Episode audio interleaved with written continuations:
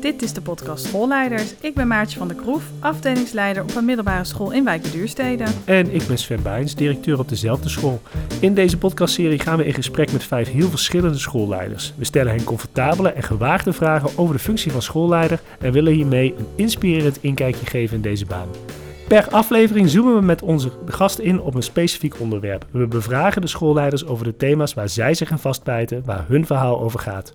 We leggen hen allerlei vragen voor en dagen ze uit om ons een kijkje te geven achter de schermen van hun dagelijks werk.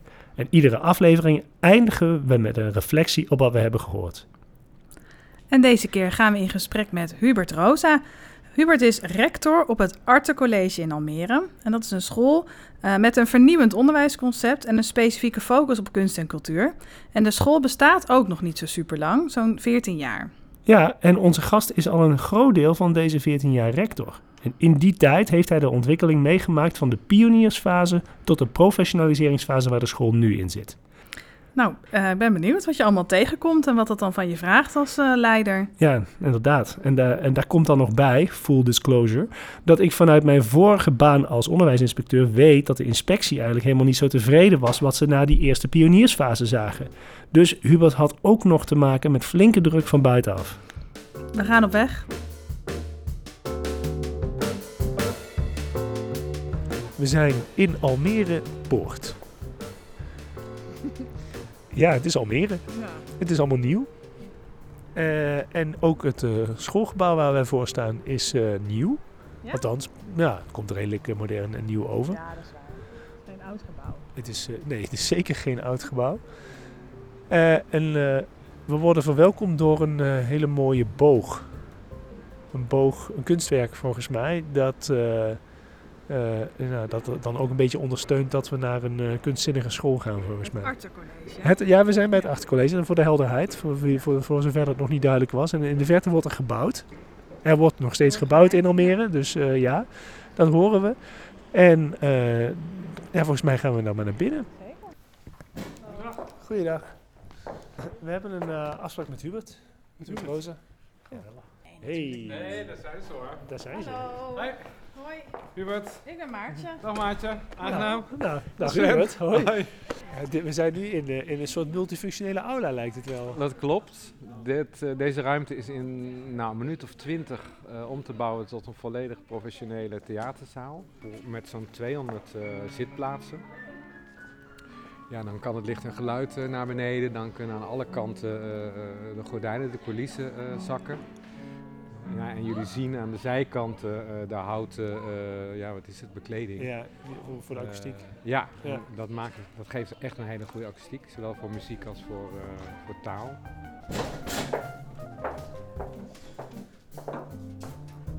Ja. Nou, twee. We zijn op bezoek bij Hubert Rosa. Hubert is 54 jaar, woont in Utrecht, is al 25 jaar samen met zijn oorspronkelijk Braziliaanse man, die een huisartsenpraktijk heeft, ook in Utrecht.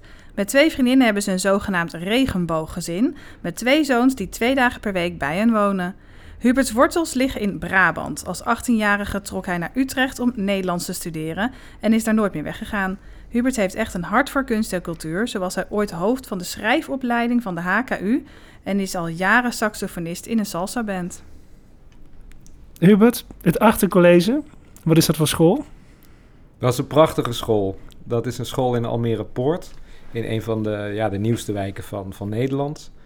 Uh, voor KBL, TL, HAVO en VWO-niveau. En dat terwijl we maar 850 leerlingen hebben, dus dat vraagt ook wel wat uh, aan organisatie. Um, met een prachtig kunst- en cultuurprofiel dat helemaal in het curriculum verankerd is. Dus niet iets wat je na schooltijd uh, komt doen of, of, of s'avonds. Nee, het zit helemaal in de lessentabel en in de activiteiten verweven. Met leerpleinen, wat weer een uh, heel mooie dynamiek geeft en een uh, geweldige sfeer onder leerlingen en, en, en medewerkers. Ja, echt een school waar we heel trots op zijn. En dat is dus te zien als je ja. erover praat. Gaat wel stralen. Ja. en uh, wat uh, trok je erin aan om dan hier specifiek op deze school rector te worden? Dat was het profiel. Um, ik was niet per se uit op een baan in het voortgezet onderwijs. Ik heb hiervoor bijna 25 jaar in het HBO uh, gewerkt. Eh, op de Hogeschool voor de Kunsten heel lang en ook een tijd eh, bij de School voor Journalistiek. En ik wilde wat nieuws. Het leek mij erg interessant om echt eh, eindverantwoordelijk te zijn, dus om, een hele toko eh, onder me te hebben. Ehm, en in die tijd verscheen deze vacature eh, voor een school met vernieuwingsonderwijs, met een cultuurprofiel en in een hele interessante fase. Namelijk, nou, het dak stond op de school, de school bestond vier jaar, maar hoe nu verder? Hoe nou die examens HAVO en VWO te doen en hoe dan eh, de school eh, nog dichter bij de oorspronkelijke ambities te krijgen. En wat, wat trof je aan toen je hier kwam? Een ontzettend dynamische school. Dus een school met zoveel passie voor kunst en cultuur, met zoveel passie voor leerlingen. Dat heb ik echt geleerd hier op school. Dat, dat het zo van belang is om van kinderen te houden en eh, bij te willen dragen aan hun ontwikkeling. Eh, ja, het werken met jongeren die naar school moeten is toch heel anders dan in het HBO, waarin je met studenten werkt die voor jouw opleiding gekozen hebben. En als ze het niet leuk vinden, nou ja, dan moeten ze eh, maar wat anders gaan, eh, gaan doen. Ja. Nou, dat, dat werkt natuurlijk niet zo in het VO. Eh, en ontzettend veel ambitie. Ehm, dat is ook natuurlijk lastig gebleken. Van hoe, hè, hoe, hoe ga je dat allemaal tegelijk eh, voor elkaar eh Je bedoelt-? Je bedoelt, er waren, waren heel veel, die bevlogenheid, heel veel ideeën van dit zo, zo zou het Ja. onderwijs eruit moeten We gaan zouden zien. het allemaal anders gaan doen. Ja, Ja, je hebt het helemaal opnieuw Ja. uitgevonden. ja, dat was echt het idee. We zijn heel ver gekomen hoor, vind ik. Maar we zouden het allemaal anders doen. Ehm, en het was een heel jong team. We zijn nog steeds, en dat is 14 jaar verder, nog steeds een vrij jong team. Maar kun je nagaan hoe dat aan het begin was. Dus heel veel medewerkers die alle energie in hun ziel en zaligheid in die school stopten. Maar die na een paar jaar onder- ook wel een beetje boe werden. Ja. Dus dat trof ik ook aan. Kun je eens dus- iets vertellen over eh, het vernieuwingsonderwijs hier, zodat we een beetje een beeld hebben? Ja, graag. Wij hebben hier het, eh, het onderwijs ingericht op leerpleinen. Mhm. Dus wij kennen geen traditionele klaslokalen. De leerpleinen eh, zijn grote onderwijsruimtes eh, met heel veel variatiemogelijkheden. Dus je kan van alles met een meubilair doen, je kan van alles met, eh, met eh, schuifwanden doen. Ehm, er zijn plekken waar klassen zelf aan het werk kunnen. Er zijn instructieruimtes, die zijn dan afgesloten. Ja. Waar je dan met een klas of met een groepje leerlingen naartoe gaat voor ongeveer 20 minuten instructie. En de leerpleinen zijn georganiseerd naar leerdomeinen, dus naar vakinhoud.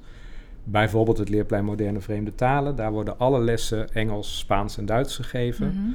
Aan alle klassen, aan alle niveaus. Dus ja, die zitten daar allemaal bij elkaar. die zitten allemaal bij elkaar. KBL, TL, HAVO, VWO. Alle jaren door elkaar. Ze zijn wel naar klas geroosterd. Dus het is niet, eh, het is niet zo georganiseerd dat al die, al, die, al die leerlingen maar dat plein op, eh, op- Nee. op, ja. opgestuurd worden. En dat ze zelf een beetje mogen gaan bedenken waar ze gaan zitten. Dus daar zit wel structuur in. Het geeft een samenhang in, eh, op vakinhoud. En er zitten dan gewoon ook leraren bij die ingeroosterd zijn op die... En die werken dan als team.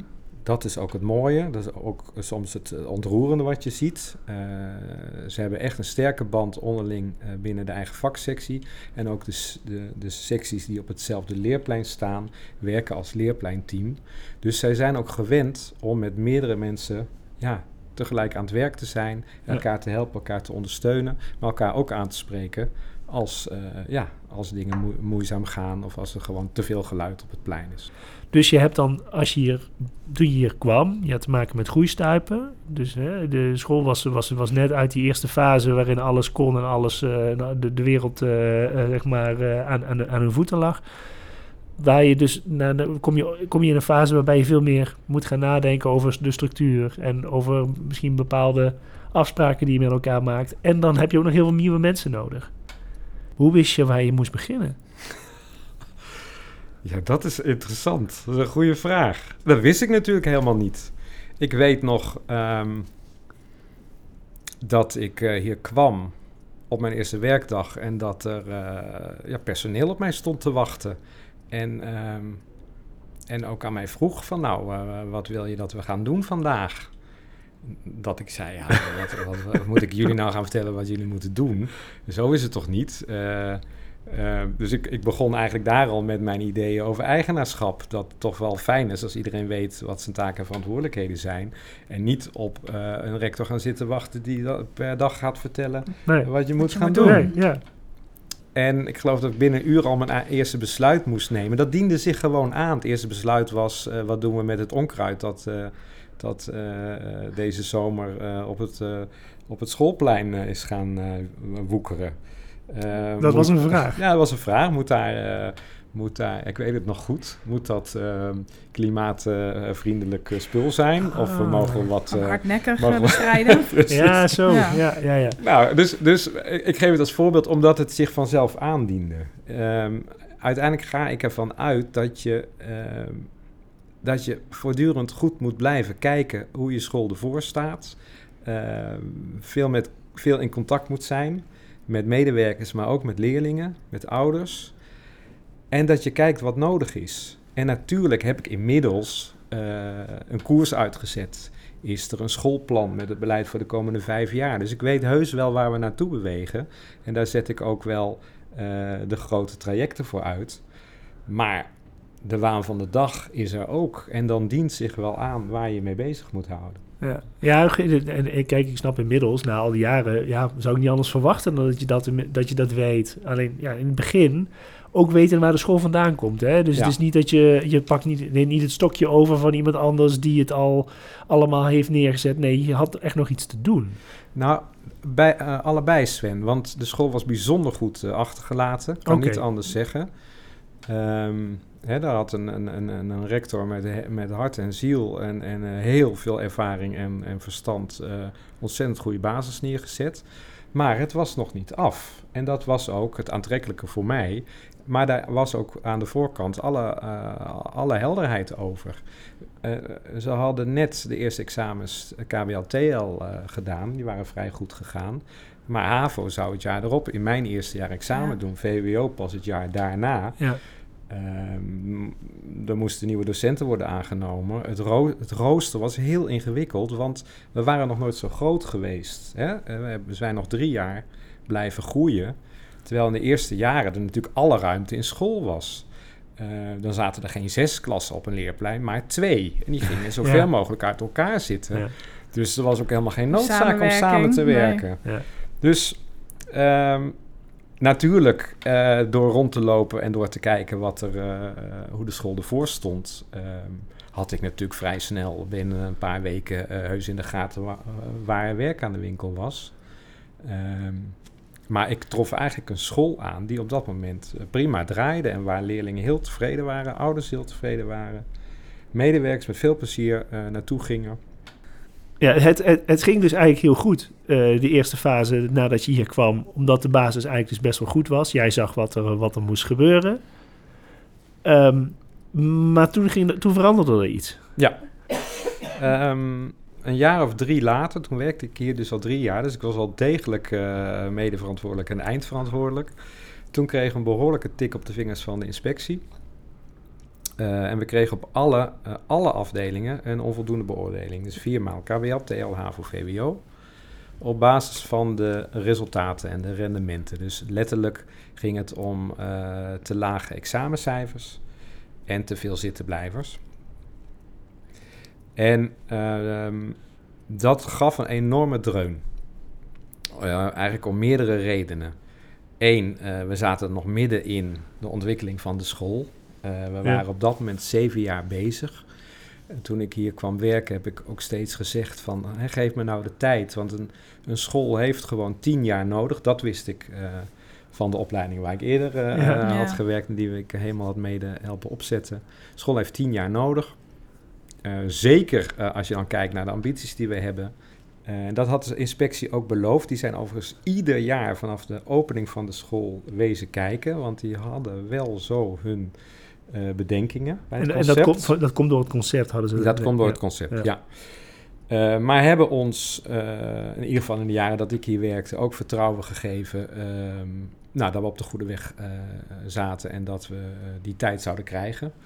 En toen kwam er een ander regime in inspectieland. Eh, werden de kaders eh, strenger. Ehm, en was van, het ene, van de ene op de andere dag ja, golden er eigenlijk andere regels en werden we, eh, ja, en werden we dus onvoldoende beoordeeld. Waarbij het probleem eigenlijk nog een stukje groter eh, was, namelijk alle andere aspecten van de school eh, werden als voldoende beoordeeld. Dus kwaliteit, uh, kwaliteitszorg op orde, lessen eigenlijk prima, pedagogisch klimaat fantastisch.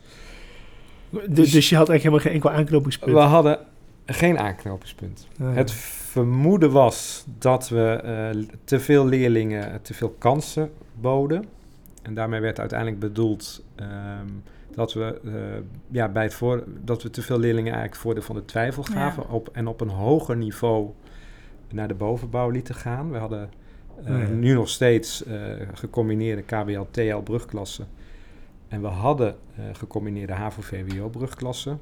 En wij lieten ja, bij, bij twijfel leerlingen toch graag naar een hoger niveau, niveau, ja. Ja, eh, ja. doorgaan. En dat pakte niet altijd goed uit. Maar er zijn natuurlijk heel veel argumenten om dit ook gewoon zo te doen. Ja, Ja, maar, en daarin gaf ik de inspectie gelijk, het moet natuurlijk wel een realistische kans blijken te zijn. Want je hebt er niets aan als je pas aan het einde van de rit erachter komt dat een leerling eigenlijk het niveau niet aan kan Ja. en het diploma niet haalt. Dus dat, dat hebben we serieus genomen. Verder zijn we natuurlijk op alle fronten ja, zelf onderzoek gaan doen. Van waar zit het hem nou in en waar Ja. kunnen we nou eh, verandering aanbrengen. Maar we moesten door een behoorlijke rouwperiode heen. Want het was, ja, het was gewoon een dreun. Omdat hier zo hard gewerkt was om Ja. een nieuwe school neer te zetten. Ja. En we eigenlijk zoveel signalen hadden dat dat eigenlijk heel goed lukte. Zoveel Ja. blije eh, leerlingen. eh, ouders, ja, ouders, leraren. ja, zeker. Eh, ja, en, en met een grote nadruk op dat eh, kunst- en culturele aspect van de school, zagen wij natuurlijk aan de, aan, aan de kunst die gemaakt werd, aan de presentaties die, die, die, die gehouden werden, dat wij leerlingen heel ver wisten te, te brengen en heel goed wisten te ontwikkelen.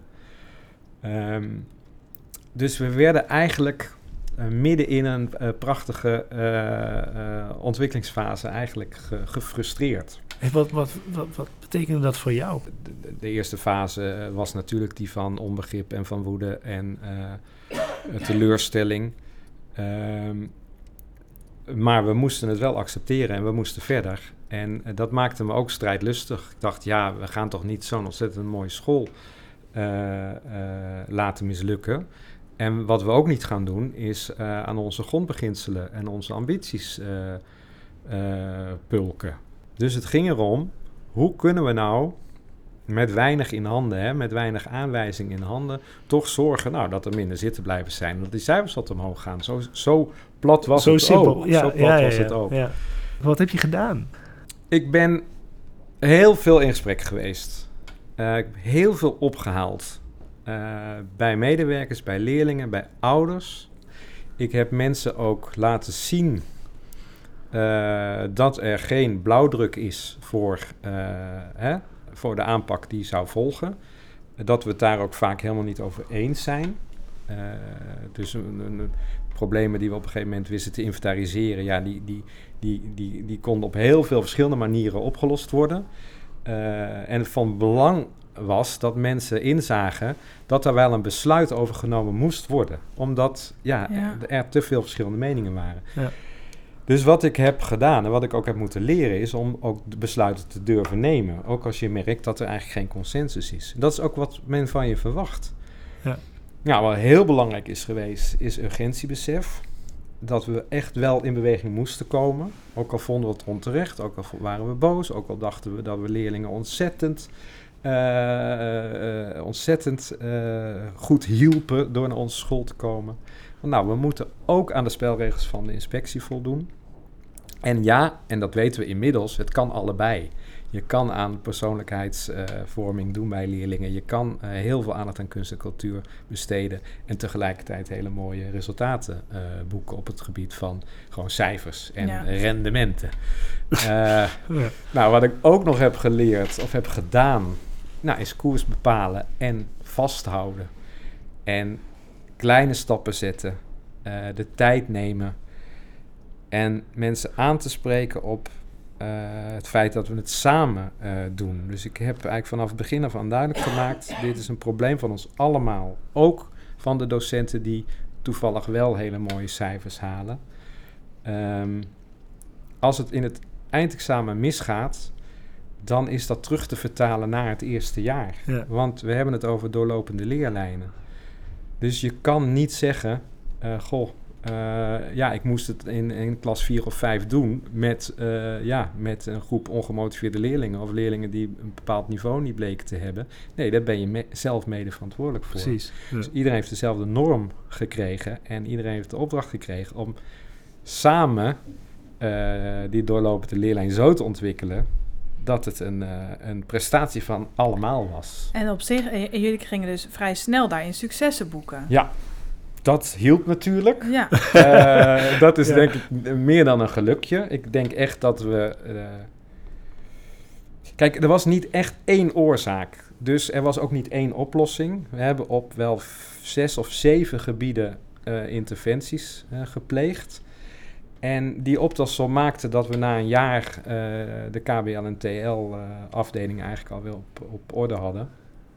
En één jaar later HAVO en twee jaar later VWO. Dus al met al zijn we hier toch wel drie jaar mee bezig en dat geweest. zag dus de inspectie ook meteen. Dat het, eh, Ja. op- dus jullie werden toen ook voldoende beoordeeld Ja, dat was, vanuit de inspectie. ja, dat was direct. En dat was direct ook eigenlijk alleen maar op resultaat. En dat heb ik altijd heel armoedig gevonden. Van, goh, zie nou toch wat wij ook doen. Ja. Ja, maar ja, het heeft ja. geen zin. Choose your battles, dat heb ik dan inmiddels geleerd.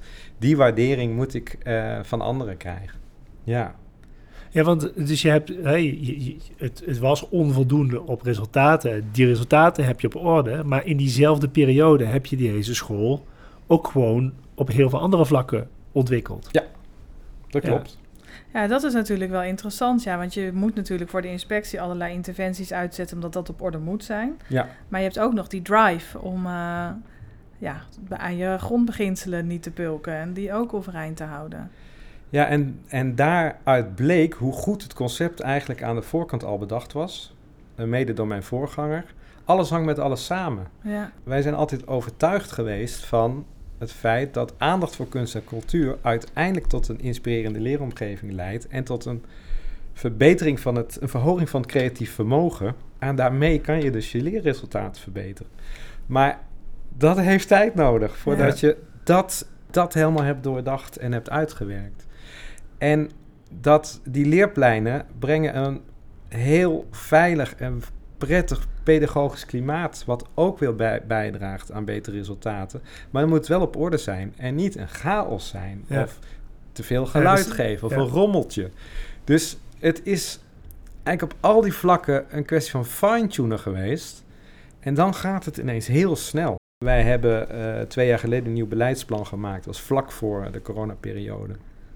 En daarin zijn we eigenlijk begonnen eh, met eh, te inventariseren waar we nou trots op waren na, na tien jaar Arte College.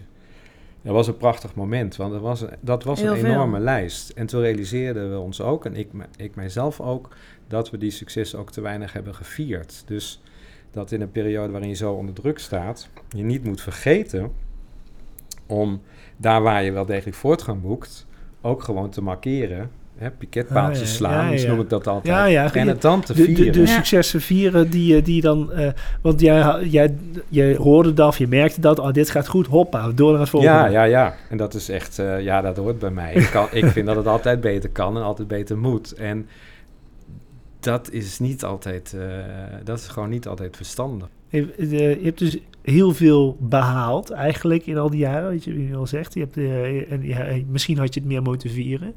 Maar eh, ben je ook in die jaren iets kwijtgeraakt door de druk die er dus door- van, van buitenaf gelegd werd? Nou, we zijn heel letterlijk eh, een boel leerlingen in die periode kwijtgeraakt. Dus zo'n zo'n verhaal gaat dan toch snel de ronde. En Ja. eh, eh, nou doken we van 800 naar 720 leerlingen of zo. Ja. Dus er moesten ook mensen weg. Er gingen ook mensen weg, medewerkers. Dus dat gaf nog eens een extra, eh, eigenlijk een extra handicap, eh, een extra belemmering om, eh, om, om meters te maken. Nou, financieel natuurlijk ook. Dus, dat, dus het werd allemaal echt op heel veel fronten echt even lastig. en Dus, jij zelf? Ja. Ben jij iets kwijtgeraakt als leider? Ehm, als leider denk ik niet. Ik denk dat ik gegroeid ben als leider. Ehm, ik,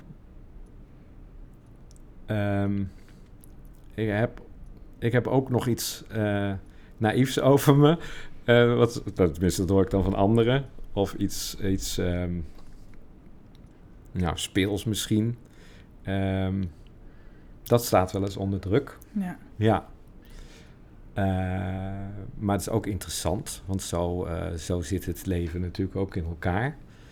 Um, ik ben, er zijn wel tijden dat ik, nee, ik ben wel pessimistischer geworden over uh, het onderwijs in Nederland en het belang, of het gebrek eigenlijk aan belang dat we daarin stellen. Zowel in de publieke opinie als in de overheid.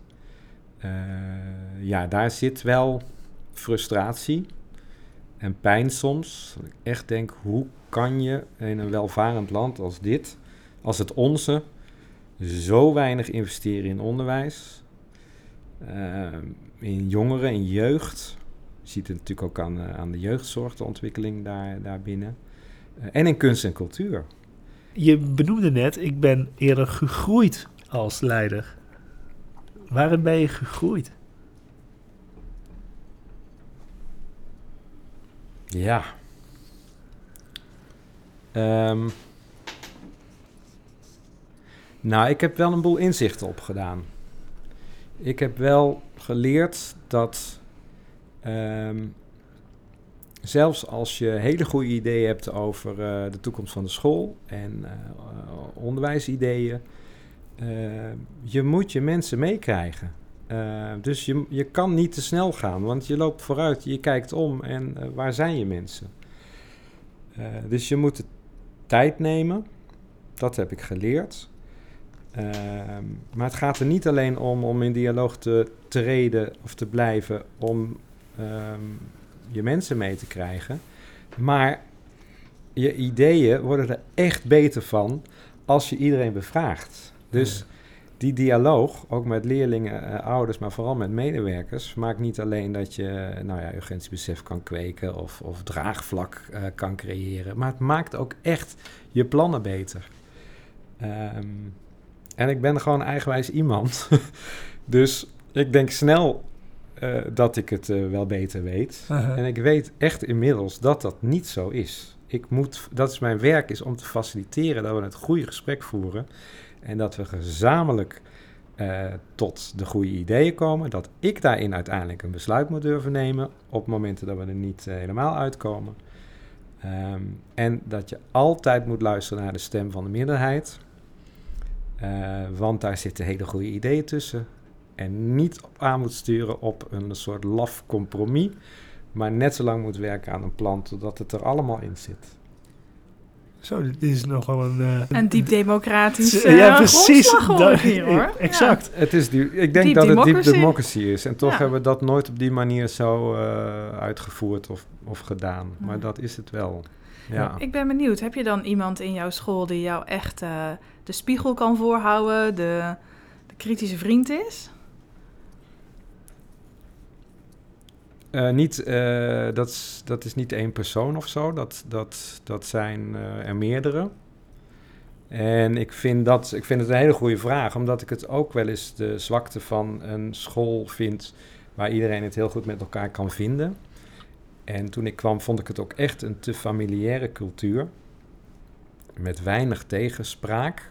Wel, wel uh, hè, er wordt heus wel, werd heus wel gezeurd en geklaagd, maar dat vind ik geen tegenspraak. Ik vind tegenspraak het gesprek met de goede argumenten en de goede vragen. Ja. Uh, uh, Oké. Okay. Kun je goed tegen kritiek? Nou,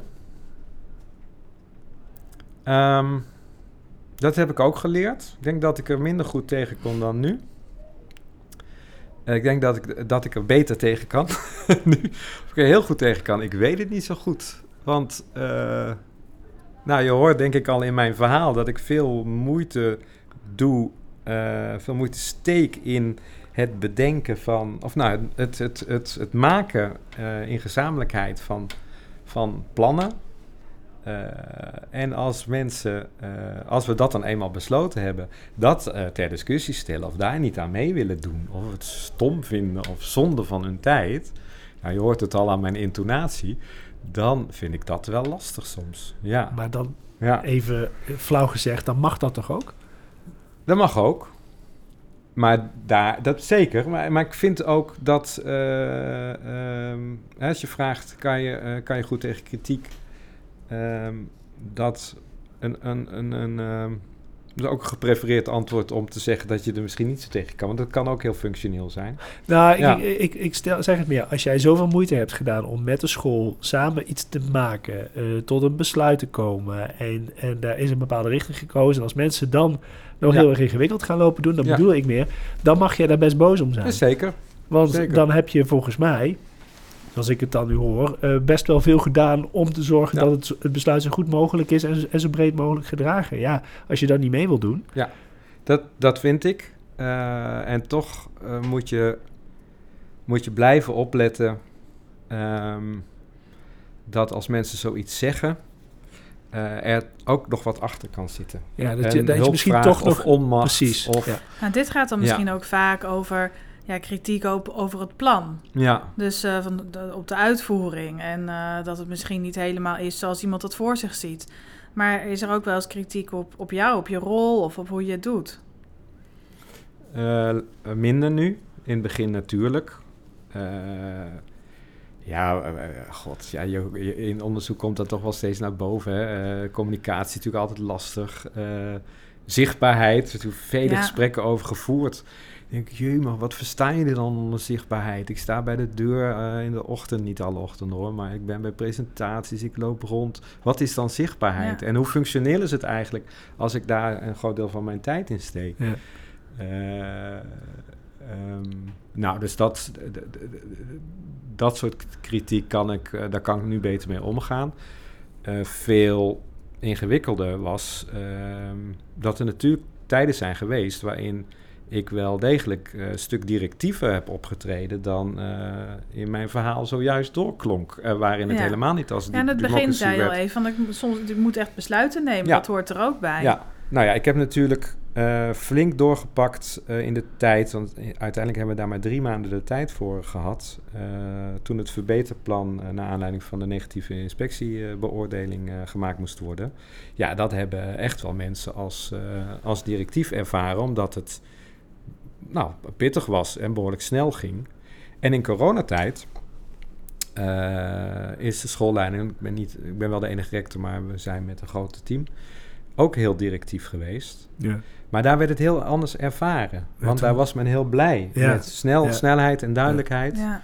Ehm, maar in de periode waarin we onder druk stonden, waarin de school onder druk stond en waarmee ik natuurlijk zelf ook onder druk stond, toen heb ik wel veel kritiek gehad.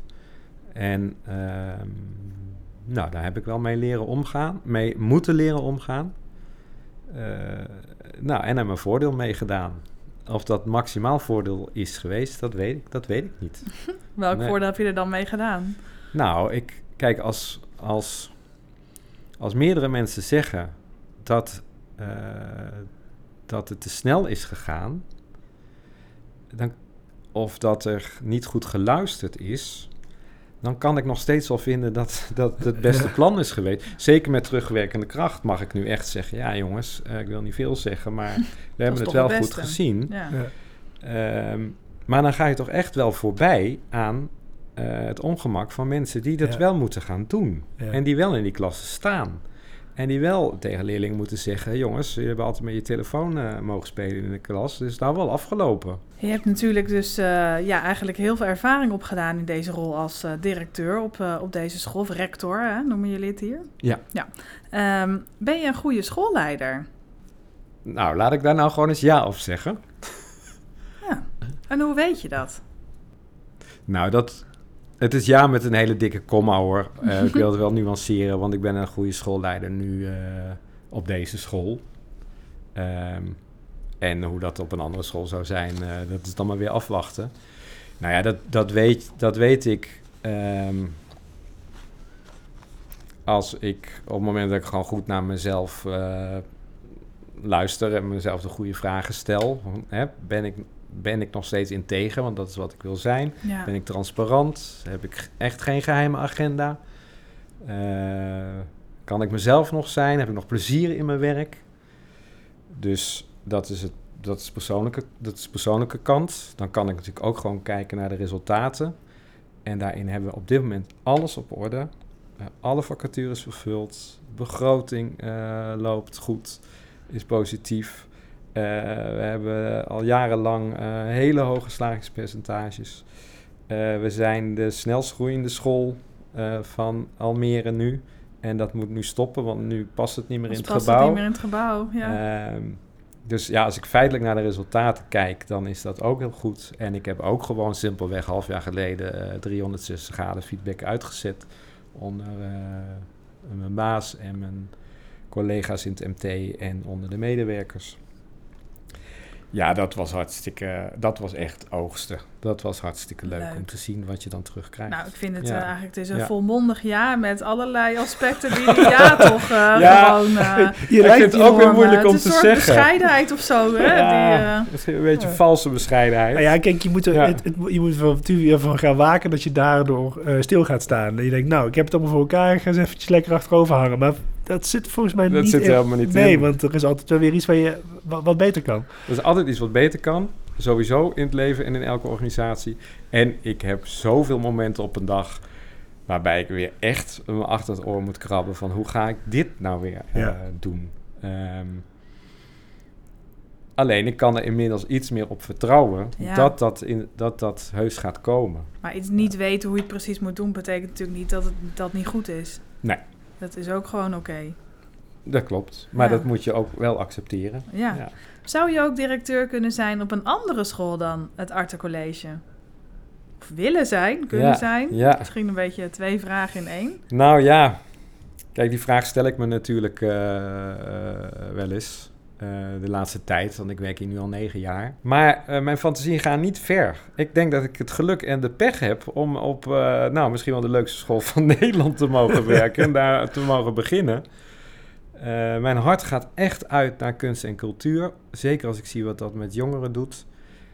Ja, die zijn er op eh, die zijn er niet zoveel in Nederland. Eh, als je kijkt naar de intensiteit waarmee wij dat Ja. doen. Er zijn wel iets van 45 cultuurprofielscholen in Nederland. Maar wij doen er wel heel veel aan. Wat mij eigenlijk wel leuk lijkt, is een school. ehm, nou, een school met een mooie opdracht. Eh, bijvoorbeeld de opdracht om, om een school naar een nieuwe fase van ontwikkeling te krijgen. Dus misschien een school te starten, of misschien Ja. Een school diep in de problemen eh, weer naar, eh, naar Ja. een mooi eh, niveau te krijgen. Maar dat kunst en cultuur, daar ga je dan wel op inleveren. Ja, maar dat, da- eh, dat denk ik wel. Maar dat kan je ook weer breder zien als het ontwikkelen van creativiteit. Je kan namelijk geen school nou leiden, maar je kan ook geen school draaien zonder creativiteit. En hoe meer creativiteit je inzet, hoe, eh, hoe, eh, hoe leuker het voor iedereen wordt. Ja. Dus het hoeft dan misschien niet letterlijk om muziek en dans en vormgeving te gaan. het zal wel heel moeilijk worden hoor, als het er helemaal niet Zou is. het wel heel erg missen. Ja, dat is, Ja. Nou, ja, dat is, Het doet ook iets eh, met, de, met, met, het, ge- met, met de sfeer in de school. Hè? Ik bedoel, wij, toen wij net binnenkwamen dat eh, in de aula eh, een meisje achter een, eh, de piano gaat zitten en Ja. gewoon gaat spelen. Dat doet iets. Ja, en dat is, dat is zo grappig, eh Sven, want dat horen we dus heel vaak. En, dan, en we vragen het echt niemand, hè. We zeggen tegen niemand, joh, dadelijk komt was de geen- inspectie langs en ga er maar even zitten. Want, eh, maar zelfs bij de inspectie gebeurde het, dat Oh, ja. gewoon leerlingen aan het eh, zingen waren en bij de piano. Tuurlijk, da- en dat is de kracht van die school.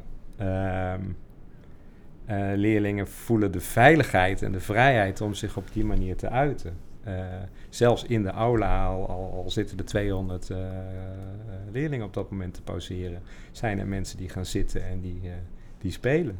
Ja, geweldig. Ja, Ja.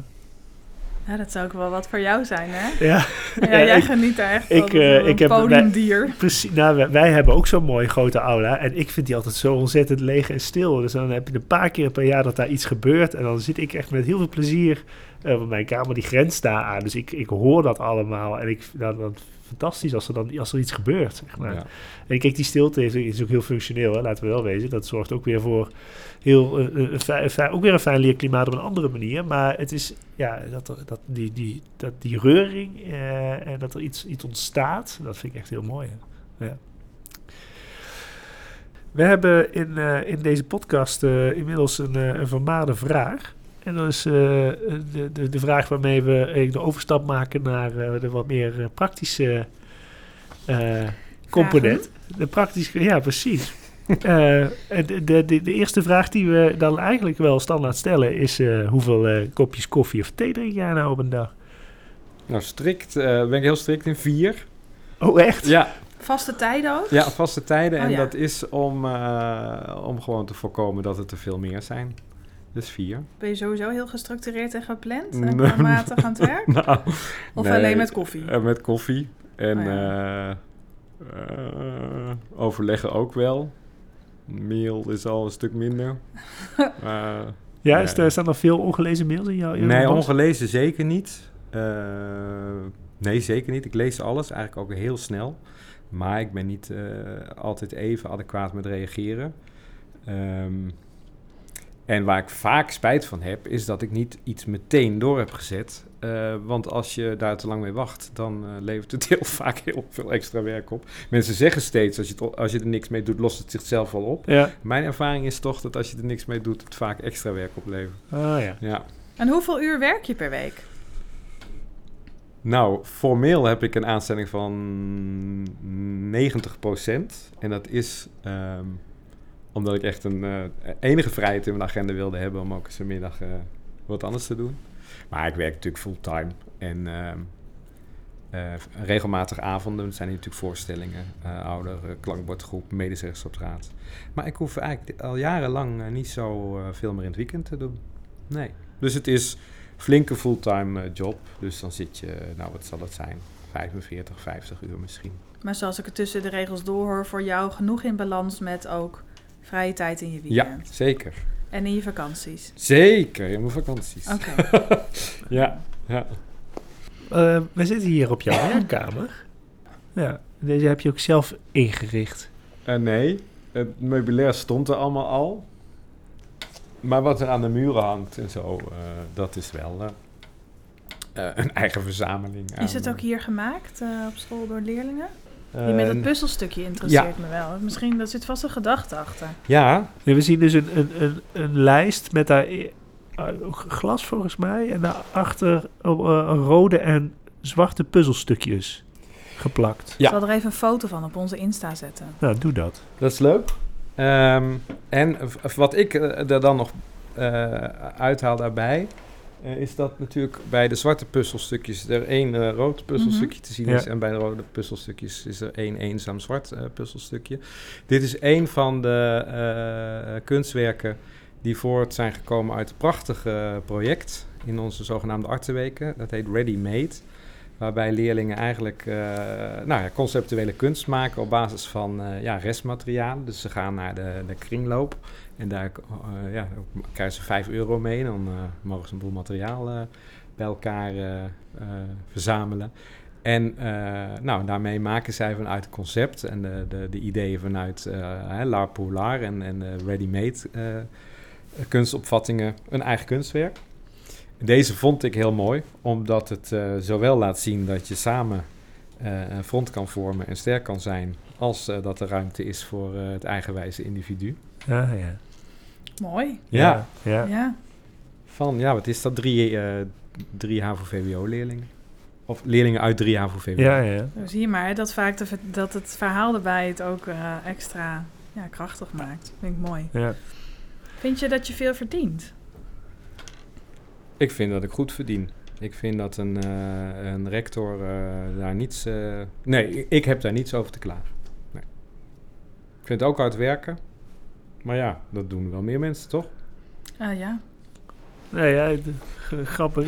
Je- bent er heel straight over. Nou, ja, en ik ben het alleen maar met je eens hoor. We, we verdienen best wel prima. Ja. Ja. En Ja. eh, ja, in een andere sector zal het misschien anders zijn. Maar eh, eh, En dat klopt, dat weet ik ook. Maar het feit dat wij twaalf weken per jaar vakantie hebben... Eh, dat is ongekend. En ja, we zijn er zelf ook in gaan geloven hè, dat we dat nodig hebben. En we werken van vakantie naar vakantie. Ja, Ehm, maar twaalf weken vakantie is natuurlijk... dikke ja, luxe. Dat is enorm luxe. Ja, Ja. Nee, zeker. Ja. Je zei net al van soms ben ik er over zichtbaarheid hadden we het even. Ja. En dan zeg je ja, ik sta bij de deur. Ben je daar structureel voordat de lessen beginnen? Nee, daar ben, daar ben ik structureel één keer in de week. Op maandagochtend sta ik Ja. bij de deur en zeg ik iedereen eh goeiedag. En vind ik hartstikke leuk. Dan zie je ook een beetje... dan zie je gewoon het humeur van de leerlingen. Ja, hoe Van binnenkomen na het maandagochtend. weekend. Ja. Ja. En, eh, nou, en, en, en dat is ook interessant, want ik had dan natuurlijk in het begin het idee, nou dan weten ze dat ik, eh, dat, hè, dat ik de rector ben, maar dat weten ze allemaal niet, want je, je kan ook net zo goed de conciërge zijn, want die staan ook bij de deur. Ehm, dus het betekent nog helemaal niks, behalve dan dat wij als school, alle leerlingen en alle medewerkers, goedemorgen zeggen. En, ehm, nou, en al een eerste contact maken. Ja. Ja. Veel scholen doen dit hoor. Dit is helemaal geen, eh, eh, geen innovatief concept. Maar het, het begint al bij de deur. Ik vind het veel belangrijker eigenlijk dat ik zichtbaar ben voor, zichtbaar ben voor de medewerkers. Daar steek ik ook veel eh, energie in. Ehm, want ik moet het voor hen goed regelen, opdat zij het voor de leerlingen goed kunnen doen. En doe je daar iets bijzonders voor? Die, die, die zichtbaarheid naar medewerkers? Ik kan wel wat dingen noemen die ik doe. Dus ik vind open deurbeleid heel belangrijk. Ik heb daar in het begin iets te makkelijk over gedacht. Ik dacht, oh, als de deur open staat, dan eh, weten mensen die wel te vinden. komen ze binnen. Nou, dat is natuurlijk niet zo. Want ik kan wel denken dat ik toegankelijk ben. Maar ja, vindt een docent met wie het niet zo goed gaat... of een jonge docent, vindt die dat dan eigenlijk ook. Ja. Dus daar kan je ontzettend Ja. in vergissen. Ik heb ook wel ontwikkeld dat ik docenten die ik al een tijdje niet heb gesproken... even zie zitten in de, docenten, of de personeelskamer... dat ik er even een praatje mee maak. Dat ik de verbinding blijf zoeken bij, eh, met medewerkers... eh, met wie er even iets... eh, nou, met wie ik even een, een issue heb. Ja. Dan moet je echt de verbinding blijven aan blijven gaan. Die Ja. mag nooit verbroken zijn. Je bent het misschien even niet eens, maar dat kan niet betekenen dat je, dat, je dat, dat de relatie daarmee verbroken wordt. Ja, en verder ook doe heel ik. deep democracy trouwens. Oh, nou, dat kijk eens aan. uitgangspunt. Kijk eens Ja. aan. Nou, en verder ben ik... eh, ja, ik hou wel van... van eh, ik wil wel het goede voorbeeld geven, ook als het gaat om eh, creativiteit en, eh, en, en kunst en cultuur. Dus ik, ik laat me wel eens zien met een docentenband en ik Ah, zing ja, een lied als er gewoon op iemand weggaat. Precies. Ja, Ja, dat, ja. dat doe ik ook. En Ja. we gaan enorm los eh, bij de digitale presentaties. Eh, ehm, dat is ook te zien op onze website. Dan hebben we een hele digitale presentatie. En dan lopen we door de school. En dat hebben we kek gefilmd. En dat ziet er goed uit. En dat doe ik, dat doe ik wel Ja. allemaal. Ja. Ja. Ja. Je noemde het er straks al even toen Maartje eh, de vraag stelde over van zou je nou ook op een andere school dan een school, hè, dan een school als deze kunnen werken? Eigenlijk is het natuurlijk gewoon de vraag waar, op welk punt in je carrière zit je nou? Gert verdemmen. Ehm, nou, het is een, het, ik ben er veel mee bezig, laat ik het zo zeggen. Ik, ik zit in verschillende netwerken om, eh, om met allerlei mensen eh, te praten over het werk. En ook ondertussen te onderzoeken van ja, wat, wat ga ik hierna doen. Het is voor mij duidelijk dat er nog iets gaat gebeuren. Eh, dat ik hier niet nog eh, 13 of 14 jaar blijf werken. Dat is niet goed voor mij, maar zeker niet voor de school. Ik heb ook een oriëntatiecursus gedaan op, op besturen. Nou, daar heb ik nog hele eh, gemengde gevoelens over. Of dat nou echt iets voor mij zou zijn. Culturele sector zou ook heel goed kunnen. Dus ja, waar sta ik nou in mijn fase? Eh, in welke fase sta ik nu? Nou, wel op de drempel van weer iets nieuws. Maar daar heb ik tegelijkertijd geen haast mee. Want ehm, ik zit hier goed en het, het is nog uitdagend genoeg. Ehm, Is ook en het gewoon is een hele mooie baan. Nou, Ja. het is om te beginnen en vooral leuk. Ik ga Ja. vrijwel iedere dag met plezier naar school. Nou, wie zegt dat nou, dat hij iedere dag met Ja. plezier naar school gaat? Wel Ja. belangrijk. ja, Ja. ja, dus ik weet het niet. En eigenlijk is het mijn hele leven zo gegaan. Met terugwerkende kracht. Als ik naar mijn cv kijk, denk ik, nou, hé, maar dat is wel, toch wel een mooie carrière. Maar het is nooit vooruit, is, er is nooit vooruit gedacht. Het is altijd zo Gebeurt. gebeurd. Het voelde Ja. een beetje zo, nu ben je echt aan het oogsten hè, hier op school. Ja. Eh, we vertelden ook over de feedback, maar ook al eerder over hoe goed het gaat. En dat je het eigenlijk ook soms wel rustig hebt. Dus het voelt ook een beetje als oogsten. Maar dat dat ook wel weer ervoor zorgt dat er ook wel een beetje wat kriebelt. Ja, ja. Ja, En want dat- het maken is ook wel leuk, zeg maar, het traject Ja. ernaartoe. Het maken en het denken en het schuren en het worstelen, dat vind ik toch ook wel heel leuk. Ja, dus het gaat meer om... om Daar zit echt de, beweging kun- daar zit kunstenaar. Ja? eh, Ja. Ah. ja.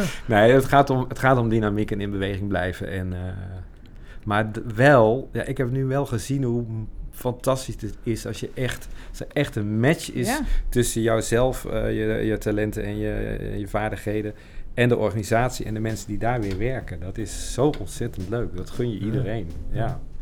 Dus ja, dat is dus ook wel wat angst om dat te verlaten en, en weer iets nieuws aan te gaan. Ja. En dan maar weer zien wat je krijgt. Ja, En het is precies wat ik tegen leerlingen en tegen docenten natuurlijk zeg. Van, hè, als je je wil ontwikkelen, moet je eh, regelmatig uit je comfortzone treden. Want anders gebeurt er niks. Nou, eh, die, en die fase zit ik. Van Ja. het treed eens uit, eh, laat ik eens uit mijn comfortzone treden en een nieuwe stap zetten. ik ben benieuwd. Ja, zeker. Ja, anders ik wel. Maar eh, nogmaals, het kan ook nog even duren. Ja, Dankjewel. Heel goed. Dankjewel, Hubert. graag gedaan. Jullie bedankt.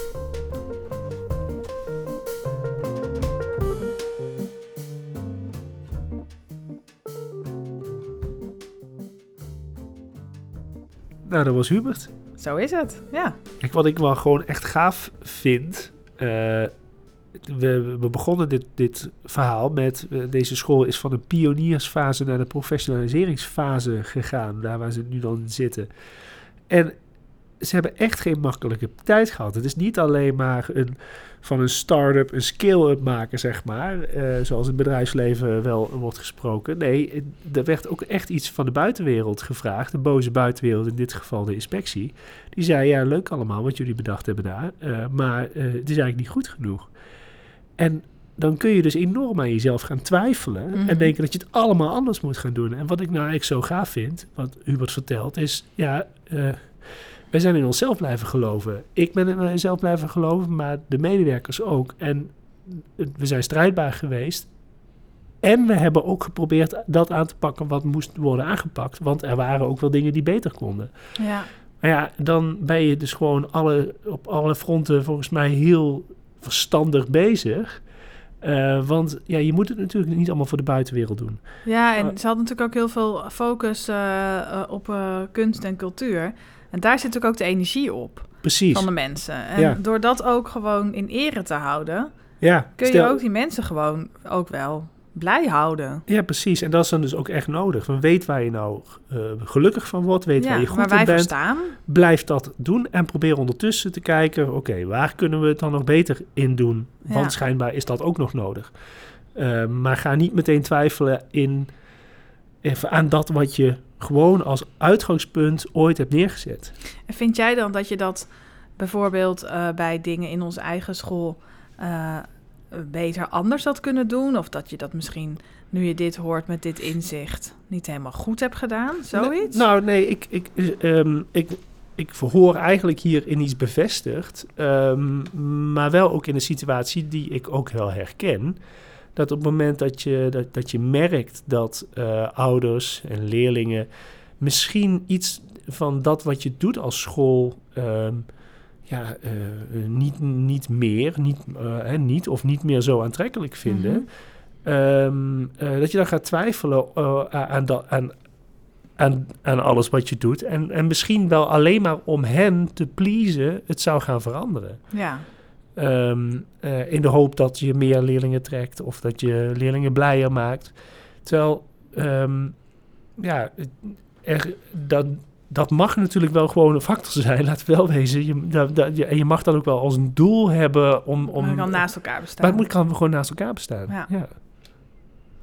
Nou, Dus daarin eh, ja, vond ik hem eigenlijk heel inspirerend. En, en het, het vuur waarmee Hubert erover spreekt is wel echt aanstekelijk. Ja, ja, dat vind ik ook. En, en sowieso ehm, kun je wel zien dat er een man zit met ervaring. Waar die over, hoe die spreekt over alles waar hij doorheen is gegaan. En hoe hij het heeft aangepakt. ja, hij, heeft, Ja. hij heeft ook wel echt door, veel in de spiegel durven kijken. Ja. Ja. Nou, wat ik leuk vond om te horen is dat hij het vertelt over hoe die besluitvorming wil aanpakken. Hè? Door echt eh, het geluid van de minderheid mee te nemen, zodat het echt een inclusief besluit wordt. En Ja. ja, hoe die daar dan tijd in investeert door heel veel met mensen te praten. En niet alleen medewerkers, maar ook ouders en leerlingen. Om zoveel mogelijk informatie op te halen en dat ook echt als heel belangrijk te zien. Maar dat u ook wel aangeeft, ja, soms is besluitvorming juist ook iets heel directiefs. En Ja. gaat het om dat ik de knopen doorhak en dat ik dat snel doe. Ja. En ja, al die verschillende, zeg maar een soort hele schaal van, ja, Van stijlen, besluitvorming, van ja. stijlen. Ja. En ja, dat hij zo vertelt hoe hij ze allemaal beheerst, dat vind ik wel hout snijden. Omdat ik dat ook in je eigen leiding geven gewoon ervaar. Je kan Dat- niet anders. Ja, dat het wel het verschil Ja. maakt. Dat je de ene keer het zo doet en de andere keer zo. En het is ook maar gewoon soms even aftasten van welke stijl ga ik gebruiken of zo. Wat is hiervoor nodig? En ja. ik vond het heel leuk dat hij er zo over vertelde van... ja maar er zit wel een heel duidelijk verhaal. Ik vond het uiteindelijk, hij zegt, nou, ik ben ooit al directiever geweest en dat was ook echt nodig. Maar dat hij nu echt zichzelf zo benoemt als ik ben de facilitator. En ja, uiteindelijk op basis van alles wat ik heb opgehaald aan, aan informatie Ja, en meningen, moet ik een knoop doorhakken. maar dat past misschien ook bij de fase waarin de school nu is. Ja, en het past bij hem. Dus ik denk, oh, eh, het is natuurlijk wel echt een hele duidelijke uitspraak over je leiderschapsstijl. Ja. En ehm, eh, misschien is het inderdaad wel wat nu heel goed bij de school past. Maar het past ook wel heel duidelijk dus bij hem. En hij is hier dus dan wel heel, eh, nou ja, heel, zich heel goed bewust van. En, Nou en ja, daardoor leeft hij... zichzelf in ook. en zichzelf zo in. kwam het op mij over. Dat Ja. vond ik mooi Ja, te dat zien. is fijn. Ja. Dit was de laatste aflevering in deze reeks van Schoolleiders. Volgende week zijn we nog één keer terug om terug te kijken op eh, dit seizoen. En dan hoor je dus ook wat meer over hoe wij nou al die gesprekken hebben ervaren. En eh, wat wij nou van dit alles hebben geleerd. Wil je meer weten over de scholen die we bezoeken of over onze eigen school, Reviuswijk? Check de show notes of neem een kijkje op onze site schoolleiderspodcast.nl. Schoolleiders is een productie van ons, Maartje van der Kroef en Sven Baaiens. Met veel dank aan Joost Kenson, bestuurder van de CVO-groep, voor de steun en de ruimte die we hebben gekregen om de podcast te maken. Het artwork is van Carlijn Zinken, docent beeldende vorming op Reviuswijk. Onze dank aan haar is groot. De muziek is verzorgd door Maarten van Griethuizen en gemaakt door Chad Tuthill. En wil je reageren op de podcast? Dat kan dan via onze website schoolleiderspodcast.nl. Laat ook gerust een review achter op Apple Podcast. en Dat vinden we leuk om te lezen. En daarmee worden we ook beter vindbaar voor anderen. Dankjewel voor het luisteren. Ja, tot volgende week met de laatste aflevering dus. Tot dan! Tot dan.